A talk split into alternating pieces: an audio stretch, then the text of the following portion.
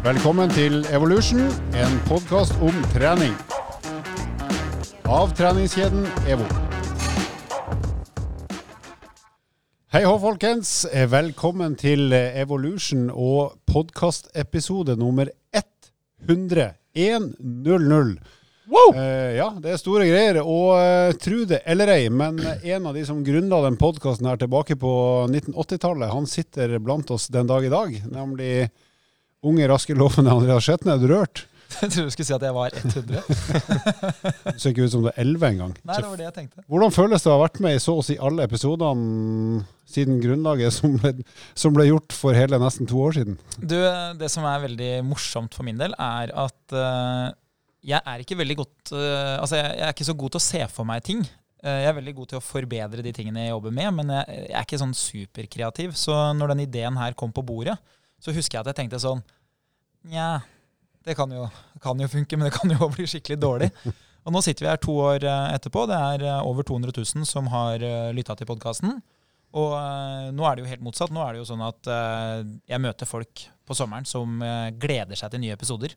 Så det, det er jo veldig stas å se at vi, at vi leverer et produkt som folk faktisk syns er ålreit. Men da kjenner de deg igjen på stemmen, eller har de sett hvordan du ser ut når de sier det til deg? Nei, det er vel så mange som snakker om det at det er tilfeldig at jeg plukker det opp. Nei da. Det er, det er folk på senteret f.eks. som da hører på oss og som bruker det her som inspirasjon. Og som da kjenner igjen at, at, jeg er en av de som har vært i podkasten, og som sier det. Vil du si at du har fått en tilnærma kjendisstatus etter at du lanserte denne podkasten? Jeg vil påstå at uh, hjemme hos meg så har ikke podkasten bidratt til noe i form av uh, en lettere tilværelse. Men nå er jo ikke mitt bidrag hjemme heller nok til at uh, en lettere tilværelse er fortjent. Og så er det vel en spesiell grunn til at din tilværelse hjemme aldri kommer til å bli lett igjen, er det ikke det? det kan også stemme. det er jo alltid en overraskelse for meg når jeg kommer hjem at vi ikke bare er to, vi er tre. Så det ligger en arbeidsoppgave og venter, men heldigvis så har jeg en samboer som er bedre til å løse den arbeidsoppgaven enn meg for øyeblikket. Og husk på at så lenge den arbeidsoppgaven ligger, som du sier nå, så går det fint. Men når den arbeidsoppgaven begynner å gå, krabbe, løpe osv., så, videre, så det er da du skjønner hva du har gjort. Ja, det, jeg ser for meg det at det blir en sånn type livsstil hvor alt som er under 1,20 i høyde, det skal bort. og så må vi si at den andre som starta podkasten, Henning Pastor Holm, han er jo ikke her i dag eh, av naturlige årsaker. Han har blitt grå i håret, men han var jo også med å starte podkasten sammen med Andreas. Og så har jo den peneste av oss, han som sitter i midten og har skjegg. Mm. Og undertegnere som er stygg, men iallfall litt brunere enn han var i april, vi har jo fått vært med halvparten av tida. Hvordan føles det for deg, Lars, å ha vært med i ca. 50 episoder? Sånn, jeg er ikke blitt grå i håret ennå, så det er jo et godt tegn. Men det har vært en reise i mye morsomheter, og mange fantastiske gjester vi har hatt, og mange ganske morsomme tema. Så jeg gleder meg til fortsettelsen. Ja, det gjør vel strengt tatt jeg òg, så lenge jeg får lov å være med. Apropos reise. Det er jo, altså Om jeg har hatt en reise i livets utvikling, så har vel du hatt en reise i sommer òg, Lars? Så du ser på Halvor, så snakker du til meg? Nei, du Ja. Eh, jeg vet ikke hva du hintet til. Jeg reiser på 56 mil. ja, hvis, du ikke, hvis, du ikke, vet hva jeg hinter til, da, Nei, da har du fått hjerneceller ødelagt, tror jeg. Det er litt morsomt. Eller, ja, jeg har jo sykla Trondheim-Oslo, eller som, vi, som det fint kom opp på Strava når den ble logga, eh, morning tour. og det, det, kan jo stemme. Det starta tidlig på morgenen i Trondheim, eller på Trondheims torg, eh, lørdag for eh, snart halvannen uke siden. Men det, var, det ble faktisk en god opplevelse. Jeg var veldig kald og bekymra, litt sånn fryktinngytende i forkant om det skulle bli en god opplevelse eller en dårlig opplevelse. Men eh, når vi rulla inn på Valhall her søndag formiddag eh, etter Og det var søndagen dagen etter start, ikke uka etter start? Ja. Det gikk jo, det er litt morsomt, da, det gikk pågikk et veddemål der en liten stund om vi kom i mål søndag eller mandag. Eh, og programleder Leivstad var vel en av de som tippa mandag. Jeg skal være helt ærlig og si at jeg var nesten helt sikker på at du, Lars, skulle klare å fullføre med den planen dere har lagt. Og så var jeg nesten helt sikker på eller jeg var helt sikker på at han Tommy, din kompanjong, ikke skulle klare å fullføre. For han har sykla altfor lite. Men uh, jeg tok jo feil, dessverre. Ja. det er godt å han seg over. ja. Men eh, nei, det var eh, alt i alt en fantastisk reise. Vi var jo veldig heldige med været. eh, Stort sett hele veien. Vi hadde litt regn fram til Duskregn fram til Oppdal. Etter det så var det mer eller mindre strålende sol. Litt motvind over, over Dovrefjell, og det gikk ikke til min favør, som lå i front. Men han kompanjongen min mente det ikke var noe problem. Men da skal jeg hilse og si da kan du prøve å ligge for, først. ja, for du lå framme i 99,3 av den turen, gjorde du ikke det? Og så lå han Tommy bak. Nei, ikke så mye. Men eh, ja, vi delte litt på det. Men eh, største brorparten av eh, tida så lå jeg foran. Men det var òg i det øyemed at jeg kanskje klarer å holde en litt jevnere pace. Det er ikke fordi at jeg tror at han ikke skulle klart det, men Jo, du, tror, du tror ikke han hadde klart det? Det tror jeg iallfall ikke. Men sånn opplevelsesmessig, hvordan, hvordan er en tur på nesten eh, 60 mil på sykkelen på et døgn? Det står i manuset vårt her 'ups and downs', og det kan jo beskrive den eh, reisa sånn egentlig. Men det var mest eh, ups. Eh, men jeg skal være veldig veldig ærlig på at eh, jeg hadde fryktelig vondt i ræva underveis. Det skal jeg ikke være- stikke under stol, men vi eh, si, vi prøvde å, å behandle det med nok eh, sånn rumpekrem som bedøver litt og som, eh, som eh, kjøler ned litt. Den var fryktelig god. Og så mot slutten, siste ti timene, så var jeg, gikk jeg over på Voltarengel, som mest sannsynlig bedøver enda litt mer. Spiste du den rumpekremen, eller jeg håper å si, fungerte du den rundt der den skulle virke? Ja, vi hadde to support med oss, og så hadde jeg jo med meg en god kompanjong som hjalp godt. da. Så Hva var den beste matopplevelsen underveis på turen? For det er jo et eller annet mat kan være veldig vondt eller veldig godt når man blir sliten. Ja, vi var jo veldig opptatt av at vi skulle drikke nok og spise nok. Så vi, det ble jo en tur. Vi skulle prøve å ha det så hyggelig som overhodet mulig, selv om det er nesten 30 timer totalt sett. Men beste opplevelsen vil jeg kanskje si var faktisk eh, på natta der. Eh, vi stoppa ved Moelv. Eh, da var jo klokka kanskje nærmere ett på natta. Det hadde vært jæklig mørkt fra 13 og gjennom Hunderfossen osv. Så, videre. så kom dit, så fikk vi varme nudler. Mr. Lee. Det, den safta det ligger i, altså den buljongvæska, sammen med nudelen, var fryktelig godt. Og så skal jeg òg ærlig innrømme at Espabollen på natta der òg, eller femdraget-ish, den òg var veldig, veldig god. Men det var på et tidspunkt hvor jeg var kanskje på mitt laveste, var kommet til humør. Espa er så nærme Oslo det, i bil, men det er ti mil på sykkelsetet igjen når du står på Espa. Ja. Altså føler du at det er flatt fra Espa til Minnesund for de som er kjent langs Mjøsa der, men jeg skal love deg, det er fader meg ikke flatt. Forbi Strandlykkja og Morskogen. Ja, stemmer. Nei, ja, ja. Lokalt kjent. Det er jo rart, da, for Mjøsa renner jo hele veien, så det burde jo være nedoverbakke. Ja, men det er jo nedover fra Trondheim òg. Det er jo det på. Faen meg nesten 3000 høydemeter. Nei, unnskyld. Det er nesten 4500 høydemeter. Vil jo bare, for Vi sitter jo med en skjerm her, så til de som sitter og ser på, det er jo veldig hyggelig. Det er Mm. veldig hyggelig at, eh, at dere skriver inn i, i chatten. Eh, Den episoden vi spiller inn nå, vil jo også bli lagt ut som en podkast forhåpentligvis eh, senere i kveld. Og da kan dere høre oss om igjen. Enda en gang. Og så har vi også en uh, faks for de som heller vil sende inn spørsmål på faks. Der er det 22 60 12 12. 22 60 12 12. Det siste var en fleip. Og så det har vi fått inn litt spørsmål, eh, men vi vil òg oppfordre folk til å sende inn hvis dere kommer på noe underveis eh, i chatten. Gjerne still spørsmål og eh, på det, alt det du måtte lure på. Vi kan svare på det aller meste, bortsett fra intimiteter fra egne liv. Det har vi ikke lov til eh, på vegne av våre samboere og eventuelle barn. Ikke på vegne av deg selv. Eller på vegne av våre liggende arbeidsoppgaver, som Andreas kaller barnet sitt. Og ja, Andreas har ny sveis for anledningen. Rask som F. Andreas har uh, sideskill, og så har han, eh, som det ikke går an å se, men han har altså Jesus-sandaler uten sokkers på seg under bordet. Så det er en eh, merkelig kombinasjon av østtysk eh, fart og et eller annet annet eh, litt softere stil nedentil. Så midt, sånn midt imellom brukbart. Jeg prøver å holde sommeren gående lengst mulig her, så sandaler, eh, oppretta skjorte og eh, Det var jo ganske varmt ute, faktisk, men kontoret her er ikke varmt, så her er det litt sånn på kant. Ja, men synes du drar langt når du sitter i bare overkropp i kontorlandskapet? Det er kanskje å dra litt langt når det er september. Ja ja, det Spørs hvor mange andre som er til stede. Hvor mange tacobagetter og hvor mange kilometer har du sykla i sommer, Halvor? Jeg har spist elleve tacobagetter. Ni av de var fantastisk gode, for de spiste jeg på Valle, som er et, en fin butikk i nærheten av der ved hytte. To av de var en gedigen nedtur. De spiste jeg på Hønefoss. Eh, Hønefoss er generelt eh, tidvis kan være nedtur, men ikke alltid.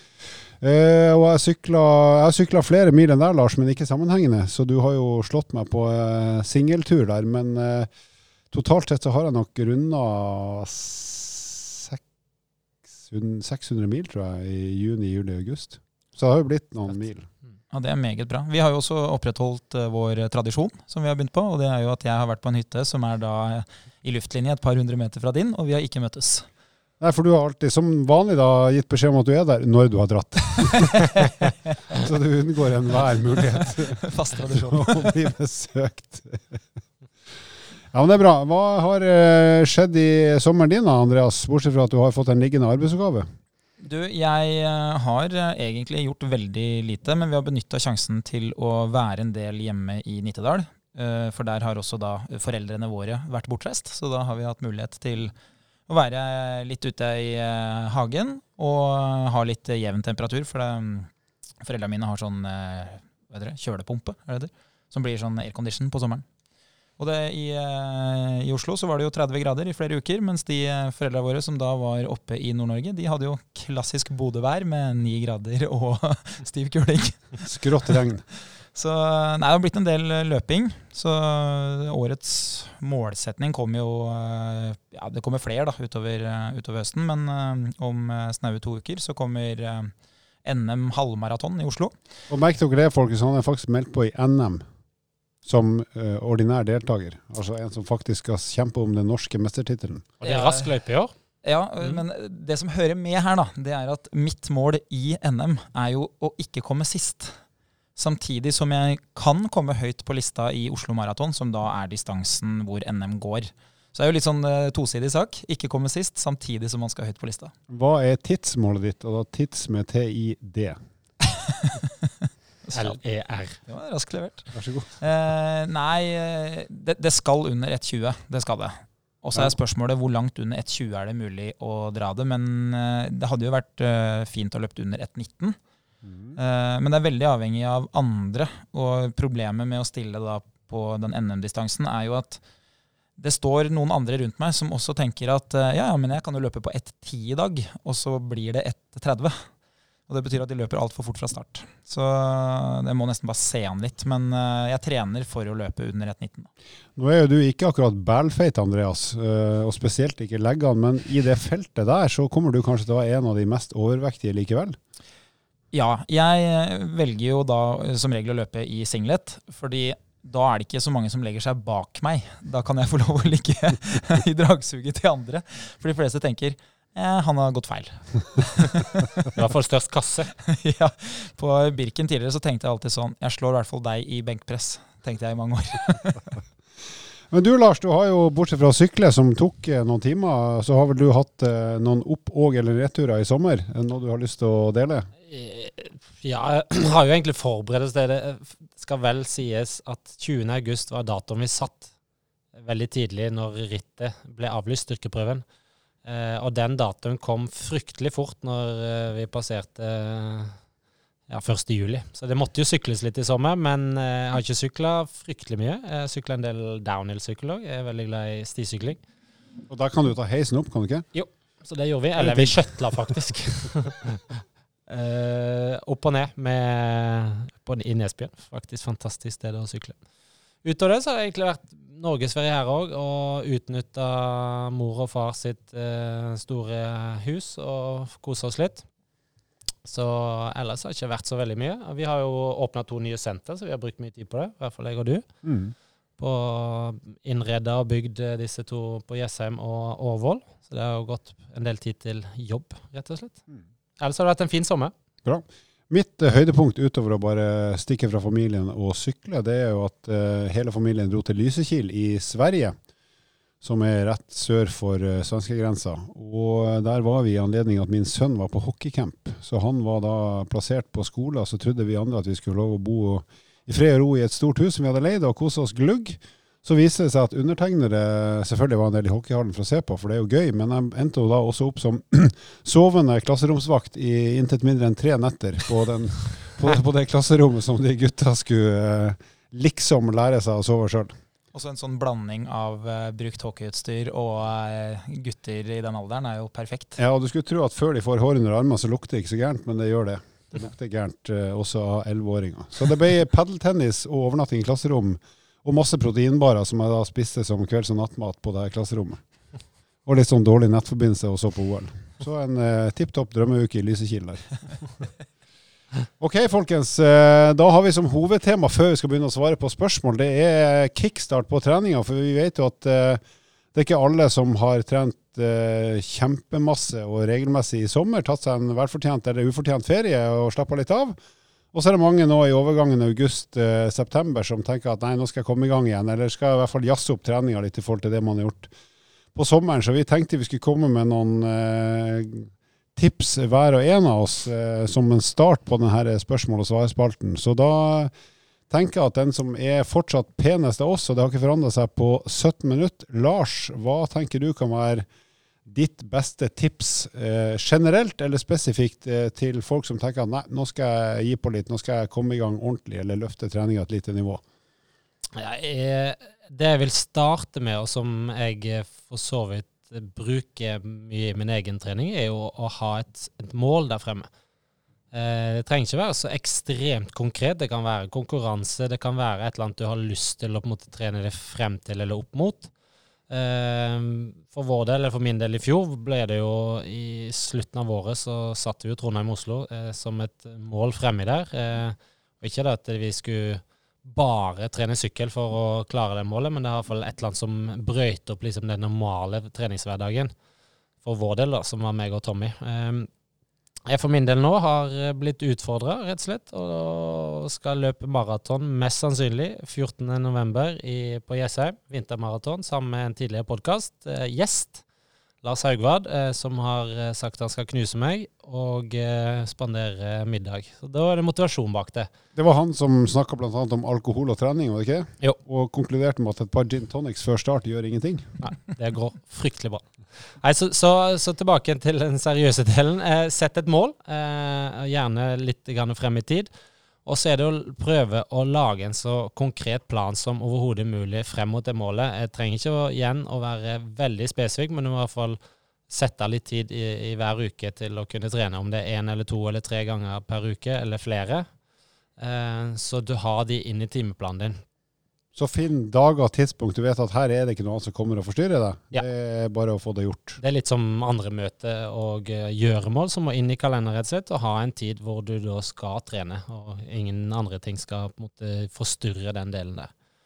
Eh, og så gjør jeg Jeg slår et slag for uh, det å trene sammen med andre. Jeg syns det er litt lettere og ofte mer sosialt å trene sammen med andre og da har det litt gøy på trening. Så allier det med noen som kanskje har det samme målet. Eh, eventuelt har noe av det samme målet, som du liker å tilbringe tid sammen med.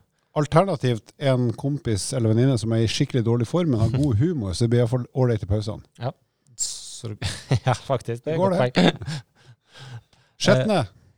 Uh, ja, jeg vil jo starte med å si at det som uh, Lars foreslår her, er jo egentlig veldig veldig smart. Uh, og så vil jeg tilføye én ting når det gjelder målsetninger, og det er at man ser veldig ofte da, som statistisk at de som har målsetninger som de skal trekke seg mot, vil lykkes i større grad enn målsetninger hvor du skal bort fra noe. Så det man kan si da, det er at uh, det å fullføre maraton da på en sluttid, eller det å trene så og så mange økter på de neste ti ukene, eller at du har et mål om å kunne f.eks. sykle én runde rundt uh, et eller annet vann i nærheten, eller noe som ligner på det, det vil fungere bra.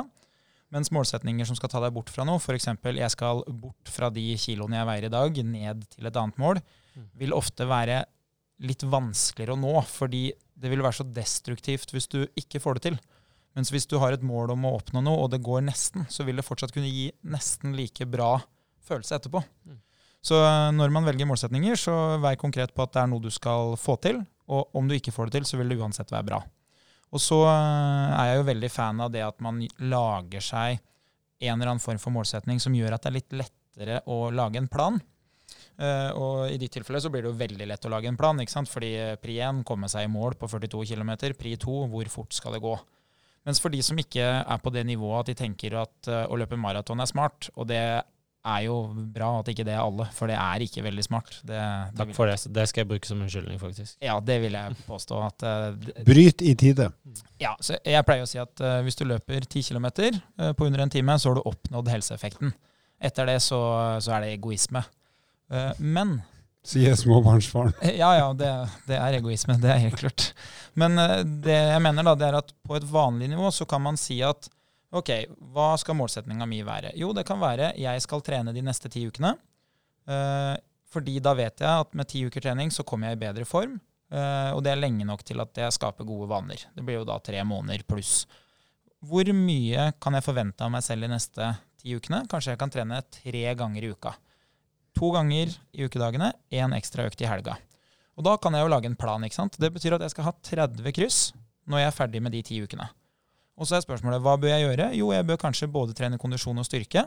Så da kanskje jeg skal ha én styrkeøkt, én kondisjonsøkt. Og så er det jo den siste økta i uka. Hva skal jeg gjøre da? Jo, kanskje jeg skal bruke den til å sykle eller gå tur. Kanskje det finnes noen topper i nærheten der jeg bor som jeg kan gå opp til som en sånn type lørdagsunderholdning. Og hvis du gjør det, så vil du ha en konkret plan, du vil ha en målsetning, og så vil du kunne følge med og monitorere underveis hvordan det her går. Så det trenger egentlig ikke å være sånn veldig vanskelig, men ofte så ser man at de som skal sette seg målsetninger, de skyter veldig, veldig høyt. Altså de, de setter seg målsetninger som i utgangspunktet nesten er umulig å nå allerede fra start. Da. Det her er såpass uh, unormalt gode ord og tanker fra deg, Andreas, spesielt om de mentale prosessene rundt trening, at jeg mistenker at du kanskje har tatt brevkurs i coaching i sommer. Har du det? ja. Eller har du sett for mye på YouTube? Og treningslære.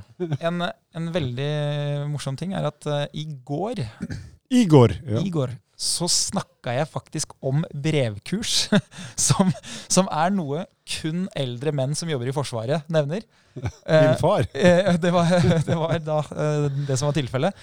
Og da sa jeg at jeg er veldig heldig som fikk oppleve å ta brevkurs, for det gjorde jeg i Forsvaret sjøl. Jeg tok brevkurs i brannvern. og til de som ikke vet hva brevkurs er, så i dag er det digitale kurs. Det hadde vært eh, kurs der du får materiellet på e-post. Ja. Men i gamle dager i postkassen. Så brevkurs i coaching, ja. Eller så har jeg jo hatt mye god tid til å tenke da i sommer. Jeg har jo uh, trilla litt barnevogn. og det som er morsomt, er jo at jeg har jo skjønt nå at uh, alle ting som man tidligere tok for gitt, uh, de trenger du ikke å ta for gitt. Så det å skulle kjøre f.eks. fra Oslo til Nittedalen, det kan hende at du må stoppe 170 meter fra inngangsdøra, fordi da er turen slutt. Da sier noen i baksetet at uh, akkurat nå så er turen slutt. så, jeg har lært at de skal ha lov til å grine. Da står vi her. Ja, de kan grine, men helst ikke når de er så små at de griner av behov. du vet at det er en volumknapp på stereoanlegget som kan overdøve de høyeste hyl. Så halvparten av Bose-headsetene selges fordi at de skal tysne av det.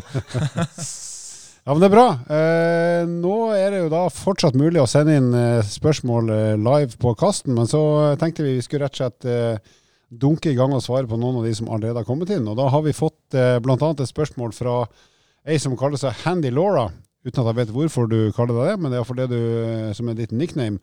Og Du spør rett og slett hvordan kan man trene for å klare sin første pullup? Og der har vi jo Lars som Mm, jeg er pullup-konge. Du er pullup-konge. Nei, det er, faktisk, det er faktisk vår eh, tidligere kollega Henning Holm. Han er til å være en så stor mann. Det er sant.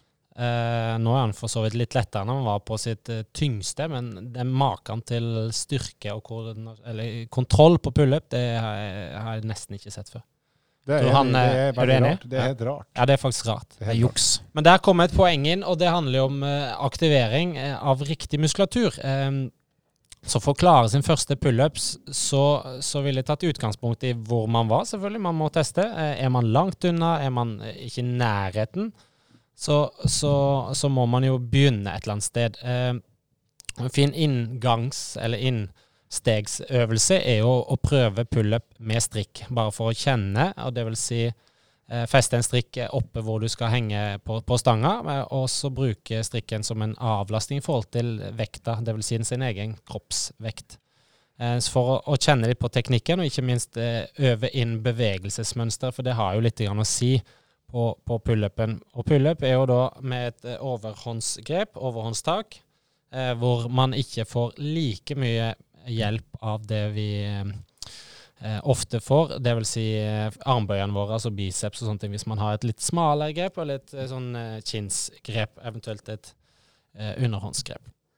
Eh, når det er gjort, så vil jeg eh, ha, ha, trent rett og slett en øvelse som er veldig fin, og det er nedtrekk. Eh, og øvd opp styrke der. Og det er vanlig nedtrekk, sittende nedtrekk, er jo sittende eh, på et apparat, og man trekker en stang til seg til eh, toppen, altså mellom brystet og haka. Og så rett og slett øvd der, og da gjerne så tungt som mulig, altså et sted mellom fire til seks repetisjoner med såpass tung belastning at du ikke har så mange repetisjoner i reserve. Det vil si, når du er ferdig med fire, fem eller seks, så skal du ikke ha mulighet til å ta noen flere. Og så gjentar du det etter en liten pause, tre eller fire sett.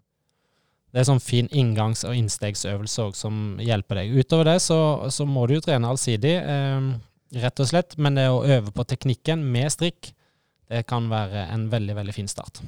Nå er vi først er inne på temaet pullups. Det har vi snakka veldig lite om generelt. Men eh, hva er rekordene rundt bordet her på uh, antall pullups eh, uten pause?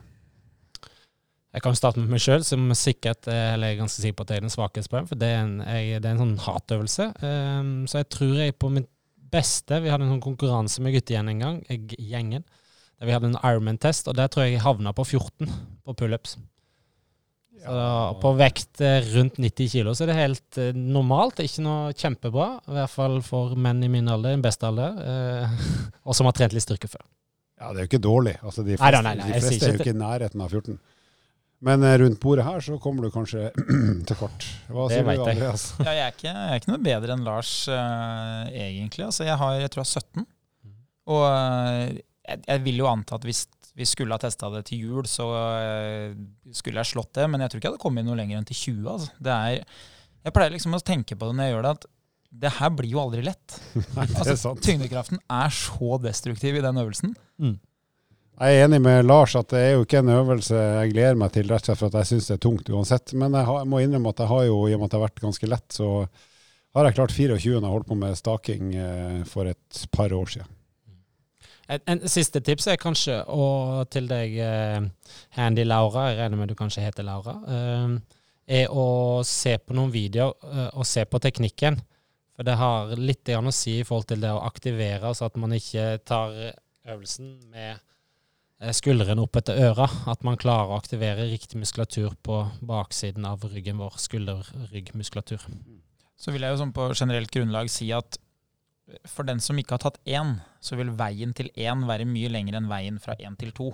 Ja, det er 100% Ikke sant? Så, så, man kan føle at man er veldig langt unna, men idet du klarer én, så er det ofte sånn at da klarer du to og tre og fire, og da vil du nesten for all fremtid klare det, hvis du trener bare av og til. Mm. Så, så, det er ofte det, liksom, det, tøffeste er å komme seg dit. Altså. Som sagt, det brevkurset i coaching, Andreas, det sitter. Kanskje han flere skal ta det? Jeg skal ta sånn offline-kurset. Jeg har tatt hos Per-Mathias Høgmo. Eller Per-Mathias. Antidigital kurs.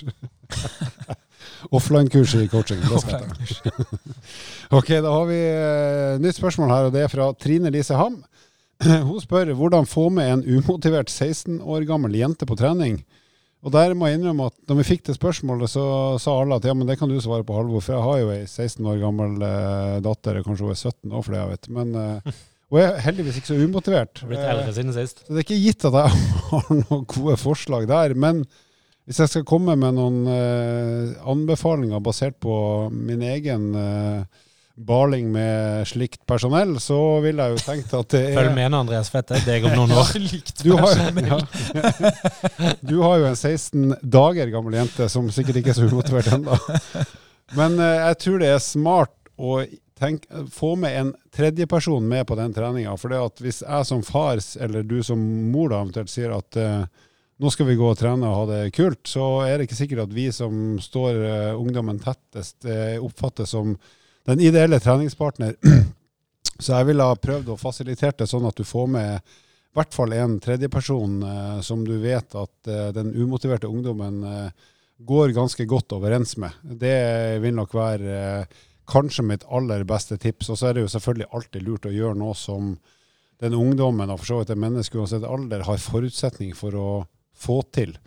Eh, det at det skal være så gøy, det er ikke gitt at det blir gøy. Det kan være gøy for at man er sammen med andre, som han Lars snakker om, og det, det, er nok smart uansett. Men i hvert fall gjør noe som, som du har sjanse til å, å, beherske, ellers så blir det jo bare tapsopplevelse og dårlig stemning. Så gjør et eller annet som den ungdommen her har gjort før, og som du vet at den ungdommen eh, sannsynligvis syns er ålreit, selv om du ikke syns det er helt topp. Mm. Og få med minst én annen person i tillegg til deg sjøl for å få treninga til å bli litt kulere sånn opplevelsesmessig. Det er vel mine beste tips. Ja, jeg kan jo si, eh, og det er litt sånn basert litt på erfaring det jeg ser på treningssenter rundt om. for det er jo en del... Hæ? Erfaring med 16, med 16 år gamle umotiverte jenter. Jeg vet ikke helt om det er smart å si det høyt. Ingen kommentar. Men det er på treningssenteret, og der er det jo senkt 16-årsgrense på mange. Eh, så det kan jo være et tips til, til mange å, å, rett og slett eh, få litt kyndig hjelp og veiledning i starten, så man gjør ting riktig på et treningssenter. Hva kommer til f.eks. styrketrening og så legge opp til at man kan trene litt med venninne eller, eller, kjæreste eller andre. Um, for å bryte opp litt, for det er jo den alderen der, der mange dette fra den organiserte idretten, hvor det er, ikke er så kult lenger. Og der, der, kan vi jo si at På treningssenteret eksempel, vil jo alltid være andre til stede. Så selv om eh, du og ungdommen da kommer alene, så vil det være mange andre som gjør at det blir ikke så uh, sentrert rundt deg og ungdommen sjøl. Så da har du egentlig det aspektet med at det er flere til stede som kanskje gjør det litt triveligere eller annerledes enn å bare stikke ut alene. Ja, og det, det, viktigste tror jeg er jo å forstå at folk trener jo av egne grunner. Så, så det å tro at man skal kunne bruke sine egne eh, behov og argument for at andre skal trene, det funker ikke. Og det er litt sånn vanskelig hvis, hvis det er noen på 16 år, for da har man vært så vant til at man har bestemt hva som er fornuftig. Og så plutselig havner man i at de skal gjøre noe for egen vinning, og så har de ikke helt sett den verdien som kanskje en voksen person har sett. Så jeg tror man må være litt sånn uh, nøye på at man faktisk velger ut noe som kan være litt morsomt i starten. Da. Enda større grad enn det man trenger når man skal få voksne mennesker til å trene. Mm. Bra. Da håper vi at du får den umotiverte 16 år gamle jenta til å bli med og trene, og at den motivasjonen snur etter hvert. Eh, da har vi nytt spørsmål her fra Solberg Amalie. Hun spør om temaet da, løping og muskelvekst. Hun spør eh, hvordan påvirker mye løping maksimal muskelvekst? Og da skal vi snakke med han som løper mest, men som dog ikke har maksimal muskelvekst i leggene, nemlig Andreas Skjetne.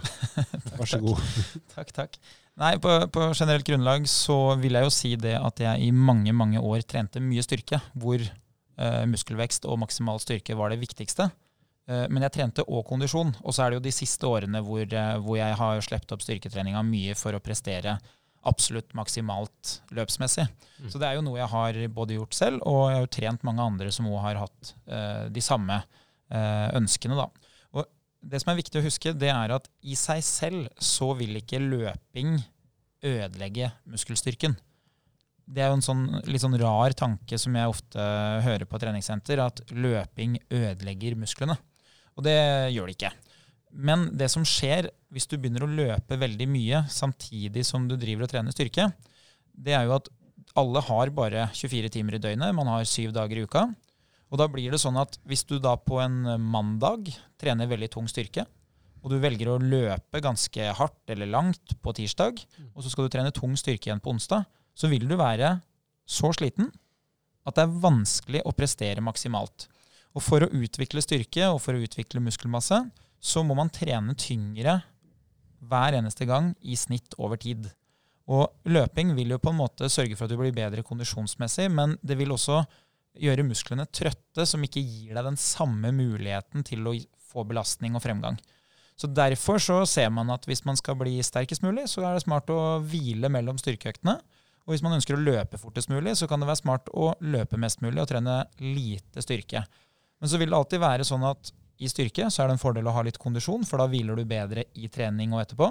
Og når du løper mye, så kan det være fordel å ha litt styrke, sånn at man ikke blir skada.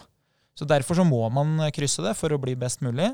Men på et sånt eh, enkelt nivå, hvis du trener tre dager i uka, så kan du trene mer. Mens hvis du er en toppidrettsutøver som driver med styrkeløft og trener flere ganger om dagen, så vil det være vanskelig å finne tid til å løpe. Så det er ikke noe problem å kombinere styrketrening og løpstrening, men det vil være vanskelig å få helt, helt optimal utvikling hvis du allerede trener mye. Hvis du skal da begrense litt den her mekaniske belastninga som løpinga gir, så kanskje motbakkeløping kan være en variant av i ny og ne, for da blir jo farta lavere. Og da selvfølgelig også ikke alltid nødvendigvis løpe, men kanskje velge sykkel eller ellipsemaskin eller stakemaskin som en sånn kondisjonsalternativ hvis man kjenner at nå er jeg helt på limiten av, av det jeg tåler, både løpsmessig og styrkemessig. Ja, for Hvis du da liksom lager et godt eksempel av det, så kunne du stått på en Hvis du har gått på ski da en del, så kunne du stått på en stakemaskin og staka deg til veldig høy puls, som gir deg bedre kondisjon. Og da hadde du jo skapt en mulighet for å trene beinøvelser dagen etter. Og det er jo et levende eksempel på. Ja, faktisk. Bortsett fra at det ikke hjalp med de beinøvelsene. faktisk. Og det samme kan du gjøre Men det var mulig å trene, iallfall. Du kan jo gjøre det motsatte òg. Det som du gjør, der er du et levende eksempel. Men du kan jo sykle mye og kjøre brystpress, f.eks. Hver enda dag. ja, For da får du jo da ser dere jo resultatet av det nå. Enkelt og greit. Det er brystpress, ja da. Nok om det. det. Har vi fått, nå skal vi ta inn et uh, livespørsmål her fra uh, en som heter Tony Ray. og Han uh, hadde jeg faktisk gleden av å ha på kurs i helga i Stavanger, så jeg tar det på engelsk i og med at han er britisk. Skal vi se her. Og det er rett og slett What's the best training tips for strengthening, strengthening weak knees? Altså hva er beste treningstips for å styrke svake knær? Og jeg kan bekrefte at Tony har litt svake knær, for han var, fikk en skikkelig skadesmell på søndagen på det kurset. Men en eh, ellers god innsats. Eh, Lars, du har jo jobba med alpinister som vel er kjent for å ha litt vondt på det her og der, naturlig nok. Ja, Hva er tipsene her til Tony og andre som sliter med knærne? jeg håper Tony sitter med Google Translate på oversetting på det, alt det du sa der. Nei, eh, tusen takk, Tony. Jeg, eh, jeg svarer på norsk, jeg. Eh, Han skjønner norsk, Ja, så tror, um, tror jeg. Det var i hvert fall det han sa på kurset. Ja. Jeg, eh, jeg har sendt noen mailer med han, så det, jeg tror han skjønner norsk. Men eh, det, det første som man skal ha i bakhodet, er sånn i forhold til å styrke knær. altså Det handler jo ofte om eh, altså styrke i forhold til, til, til skade. Og mitt beste tips der er jo eh, det der som vi ofte eh, viser til i forhold til hvor mye, hvor ofte og eh, hvor ensformig er den aktuelle bevegelsen eller øvelsen du, du har gjort eller trener som skaper den eh, f.eks. skaden eller vondten. Men det beste treningstipset sånn generelt er å trene bein, og da gjerne en stor variasjon mellom flerleddsøvelser. Vil- si altså at man gjør øvelser hvor flere ledd er involvert. Et knebøy, eller én knebøy, er jo et godt eksempel på det, hvor man har bevegelse i både ankeleddet og kneleddet og hofteleddet. Men òg kombinert med støtteøvelser som er isolert da bare for ett ledd, f.eks. Det vil si eh, det vil si eh, leg curl, leg extension, altså for forside og bakside lår, som da styrker opp de to aktuelle muskelgruppene som en helhet. Eh, og så handler det om å, å tilpasse treninga eh, avhengig av eh, hvor mye belastning er det som måtte skape at man har det litt vondt, eller man får vondt av, eller skade av.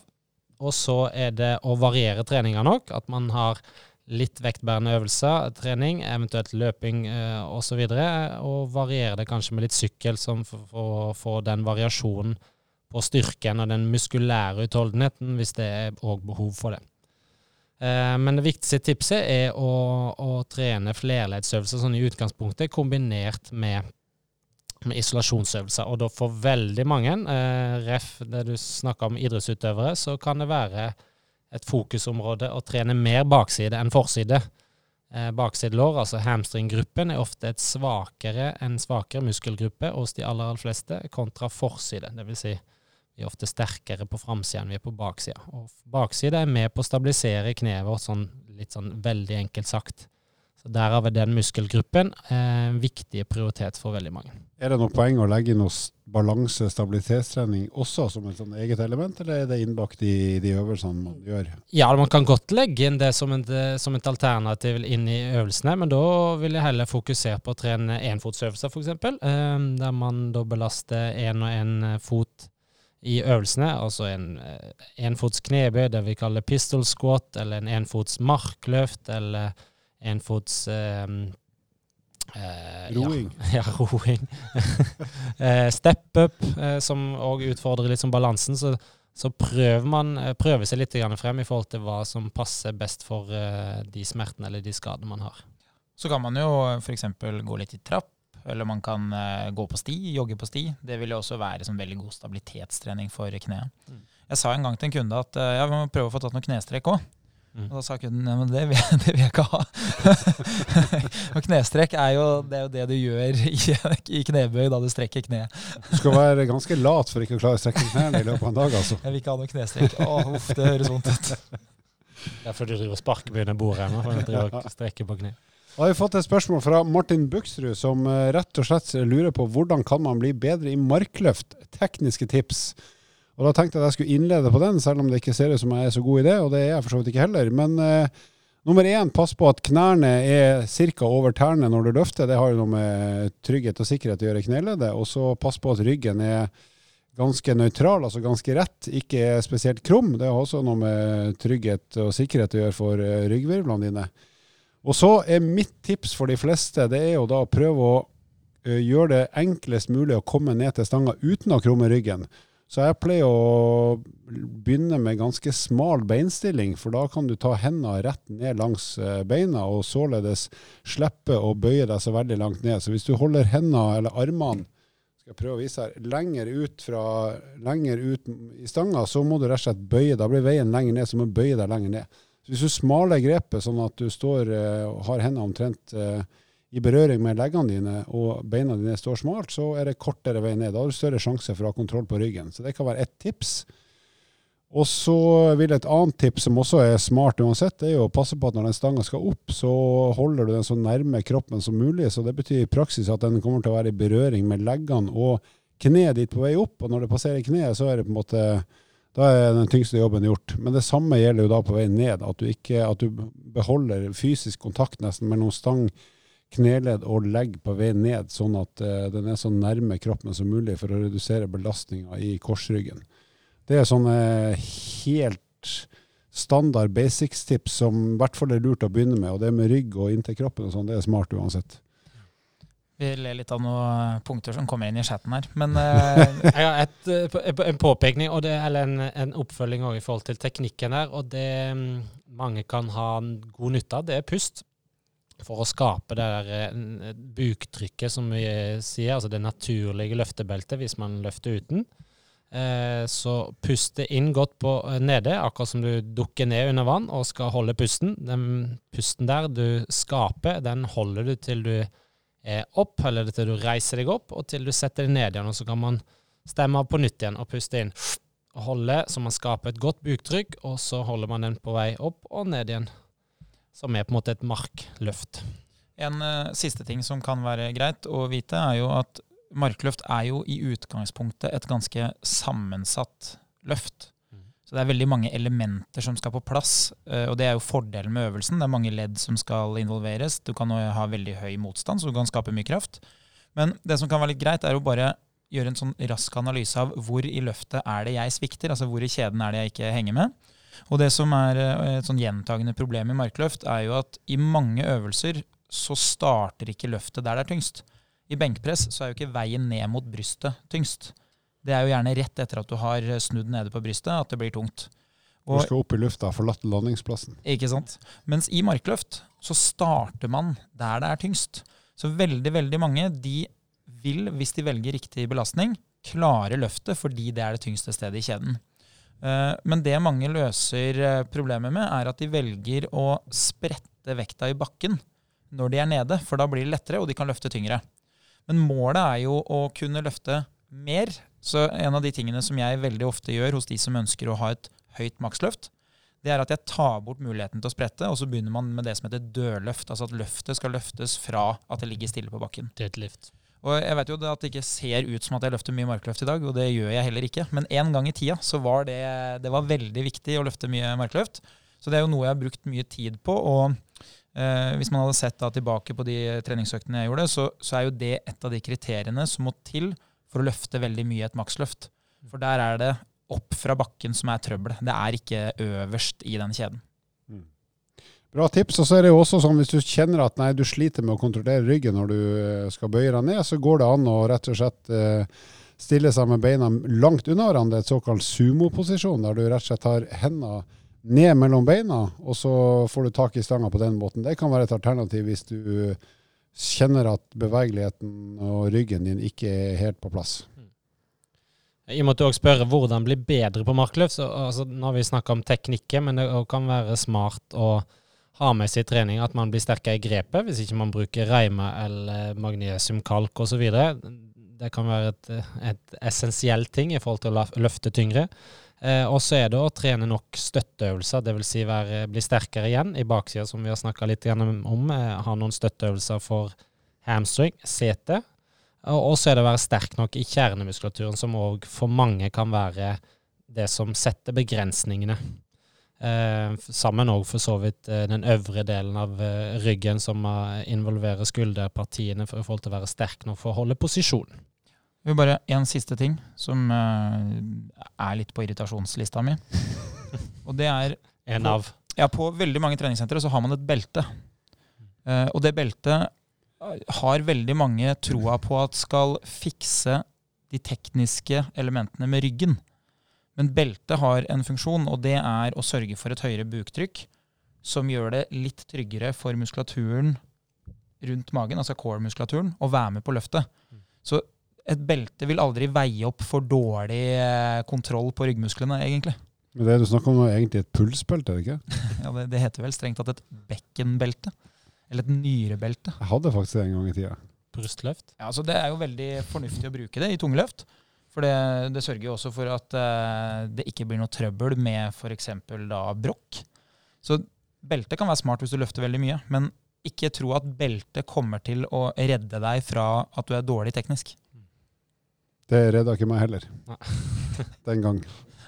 For lenge siden. Da har vi et spørsmål fra Lisbeth. Hun spør Hei, vil trene for å øke muskelmassen og bli sterkere i hofte, rumpe. Eh, hvilke øvelser bør jeg velge? Og da spør vi jo rumpemannen Lars. Hva mhm. er dine beste tips for øvelser der? Og da altså, sender du den videre til meg fordi jeg har Nei, jeg skal ikke begynne. Du har det bredeste bekkenet av oss. Har trent mye rumpe. Um, godt utvikla, og det kommer av ene og alene utgangspunktet knebøy, som er på en måte en sånn base, hovedøvelse. Um, jeg skal gi deg fire øvelser som, som, du kan ha fint i et treningsprogram. Uh, og det vil si kanskje vil starte med en step up-variant som ikke trenger nødvendigvis være så tung. Uh, men der kan du variere litt med høyden du steger deg opp på, om du har en ytre belastning eller ikke ytre belastning. Uh, I hendene eller på ryggen eller på, på skuldrene. Eh, og så begynner vi den som en øvelse én. Øvelse to er en knebøyvariant.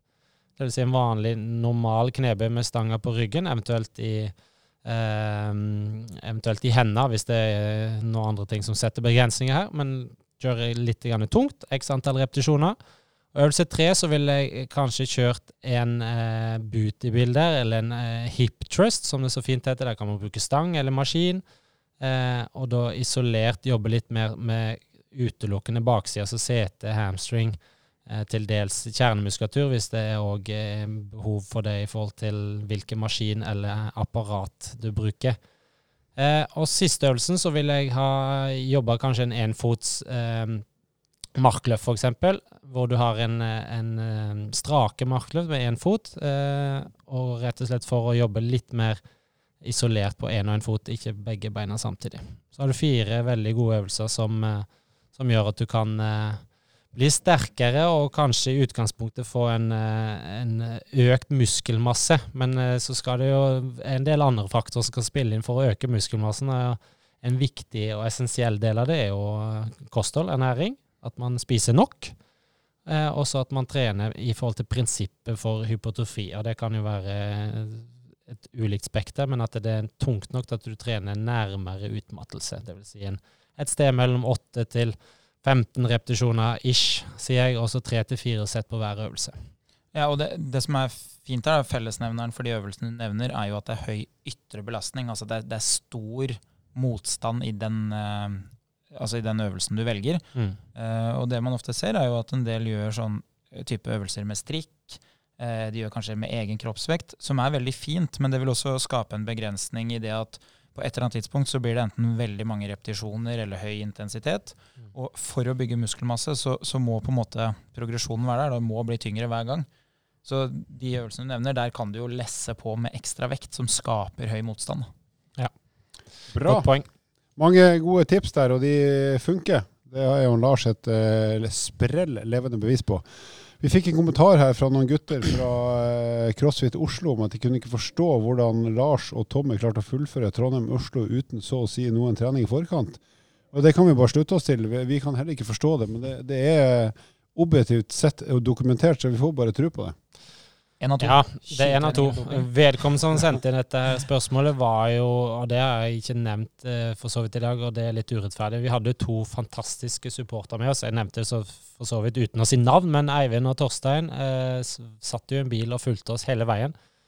Eh, X antall timer og holdt humøret oppe, og ikke minst var ekstremt på servicesida hva kommer til å fylle på det, det ernæringsmessig, mat og drikke, og stilte opp med nudler og burger og boller og polarbrød med majones og eh, spekeskinke og Vil du si at de hadde godt humør òg gjennom hele turen? Ja, faktisk. Det var overraskende bra. Til tross for vi hadde et uhell der eh, vi nærmer oss Brumunddal. Eh, punktering.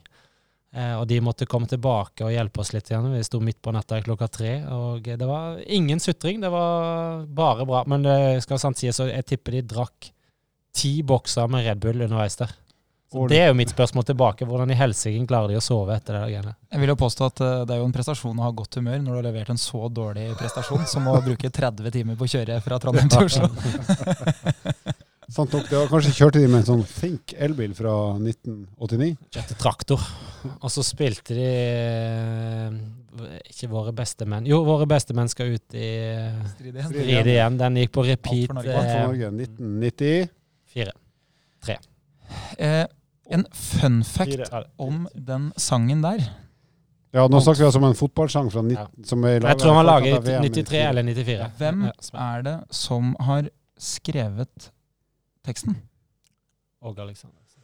Jeg tror, uten å ha mulighet til å sjekke, at det er Ivar Dyrhaug som har skrevet teksten. Det kan godt hende. Hvis det er tilfellet, Ivar Dyrhaug er jo kjent fra gullruten, nei, gullrekka på NRK. Han hadde Bit for bit. En Det- fun fact der er at jeg spilte fotball med sønnen til han Ivar Dyrhaug på eh, gamlislaget til Simensbråten her i Oslo. En meget målfarlig mann som heter Amund Dyrhaug. Hyggelig fyr òg. Ganske pen. Pen Jeg faren. tipper vedkommende som stilte inn i spørsmålene her, eh, vet eh, hvem som har skrevet den. Bra, da skal vi ha eh, siste spørsmål. Det er siste sjanse hvis noen har noen spørsmål. Da tar vi det siste som vi har fått inn nå.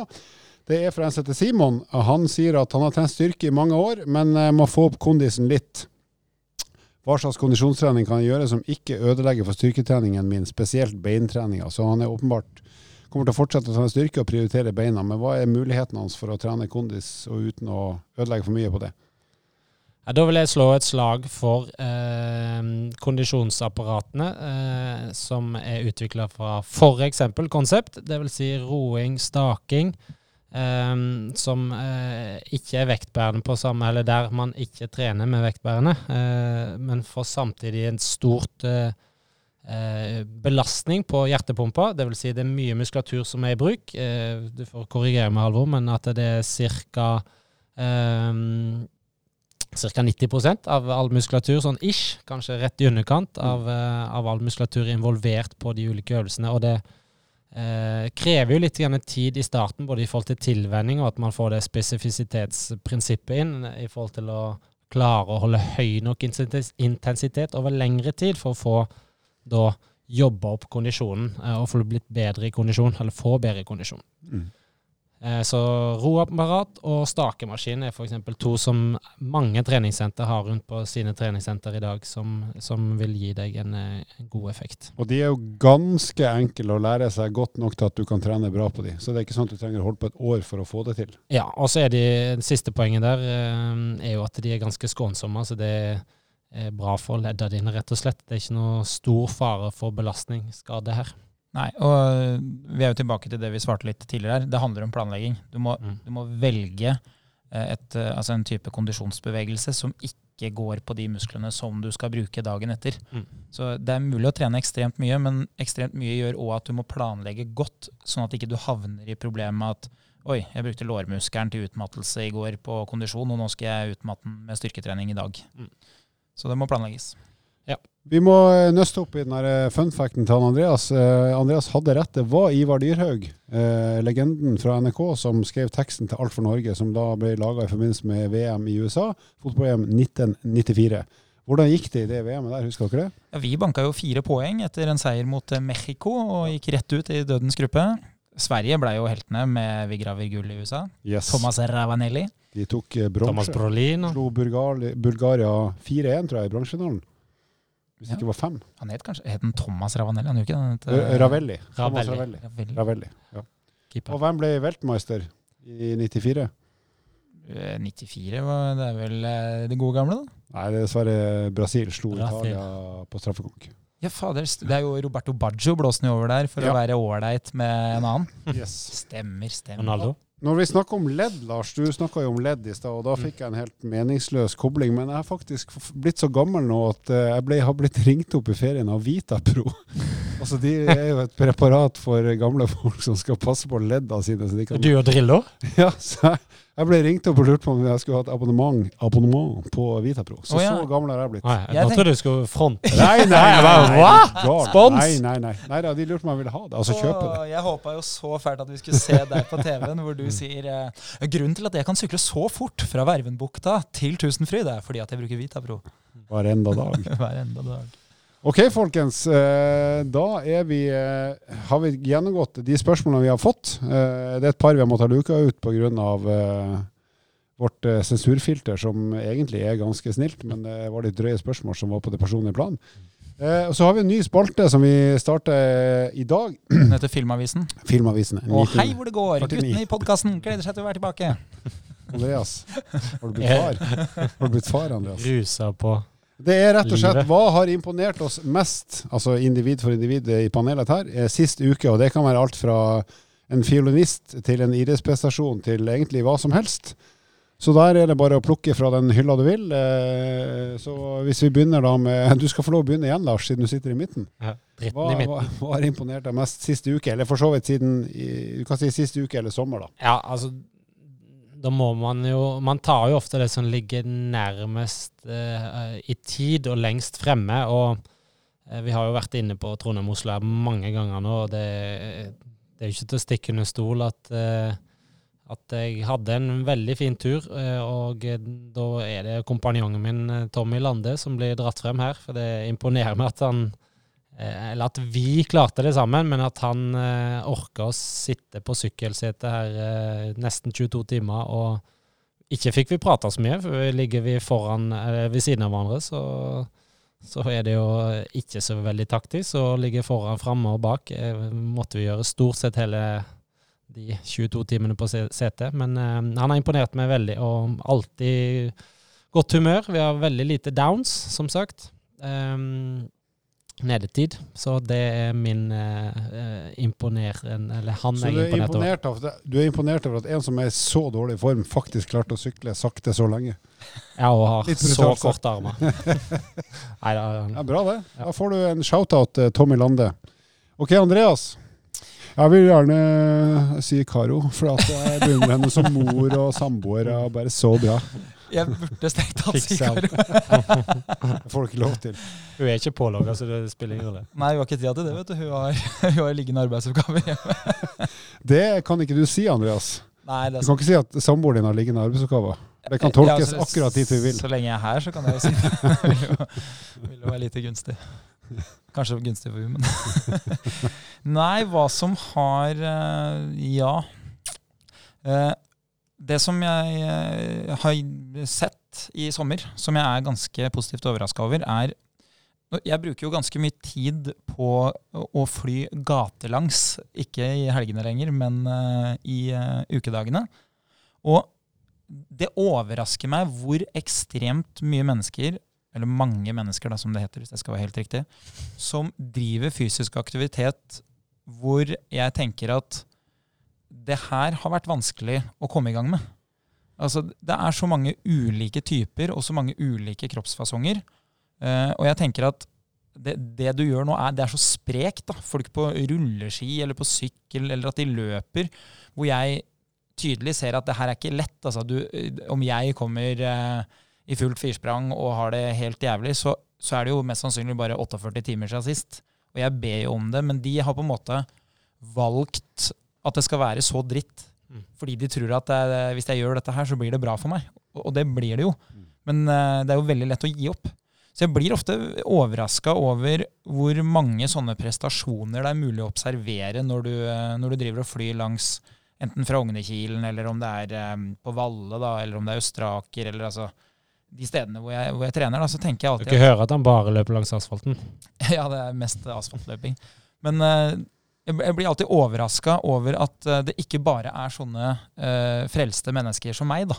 For man skulle jo tro det at det var et lite en sånn liten gjeng som, som gadd å gjøre det, og så er det ingen andre. Men, eh, men det er faktisk ikke sånn, altså. Så til alle de som tenker at ja, men kanskje ikke jeg er i god nok form, eller det er så mange som vil se på meg.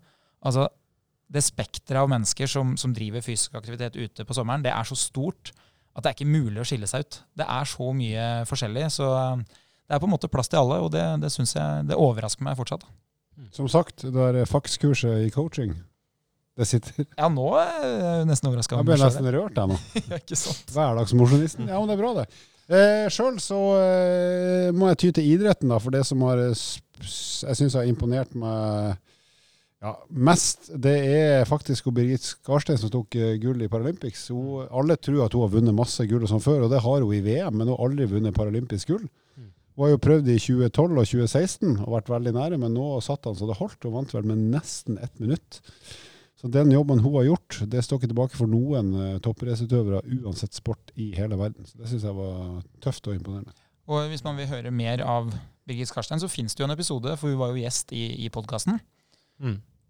Det var den podkastepisoden jeg ikke var med i. av en grunn. Av en eller annen grunn. Så det er mange bra podkastepisoder du ikke har vært en del av. Skal vi ta oss og merke de, merke de, så alle kan få hørt de, i hvert fall. Jeg er litt spent på hva hun finner på nå. Hun sa jo det er et Ja. nytt prosjekt på gang. Padling. Ja, hun skulle jo stille i eh, OL til vinteren, uh, virka det som. Ja, det Sitski. kan hende, ja. Ja, jeg tror jeg skulle Det- gå rett over. Ja, og- hun er jo faktisk god på det. da. Hun er rett og slett god på vinteren òg. Ja, hun er jo Fantastisk. generelt god, hvis jeg får bruke overarma. For det er jo klart at ja. det er ganske bra pondis i huet, altså. Det er eh, virkelig. Da gjenstår det for oss å si takk for at eh, dere fulgte denne sendinga, som er nummer 100 i rekka. Vi antar jo at det blir i hvert fall et par hundre til. Skal Eh, prøve å gjøre det beste. Vi skal gjøre vårt beste. Det beste er ikke alltid godt nok, men det er i hvert fall det beste vi kan. Eh, og inntil da, hva sier vi da, boys? Sayonara. Vil du vite mer om trening, abonner på podkasten og sjekk ut vårt treningsmagasin på evo.no.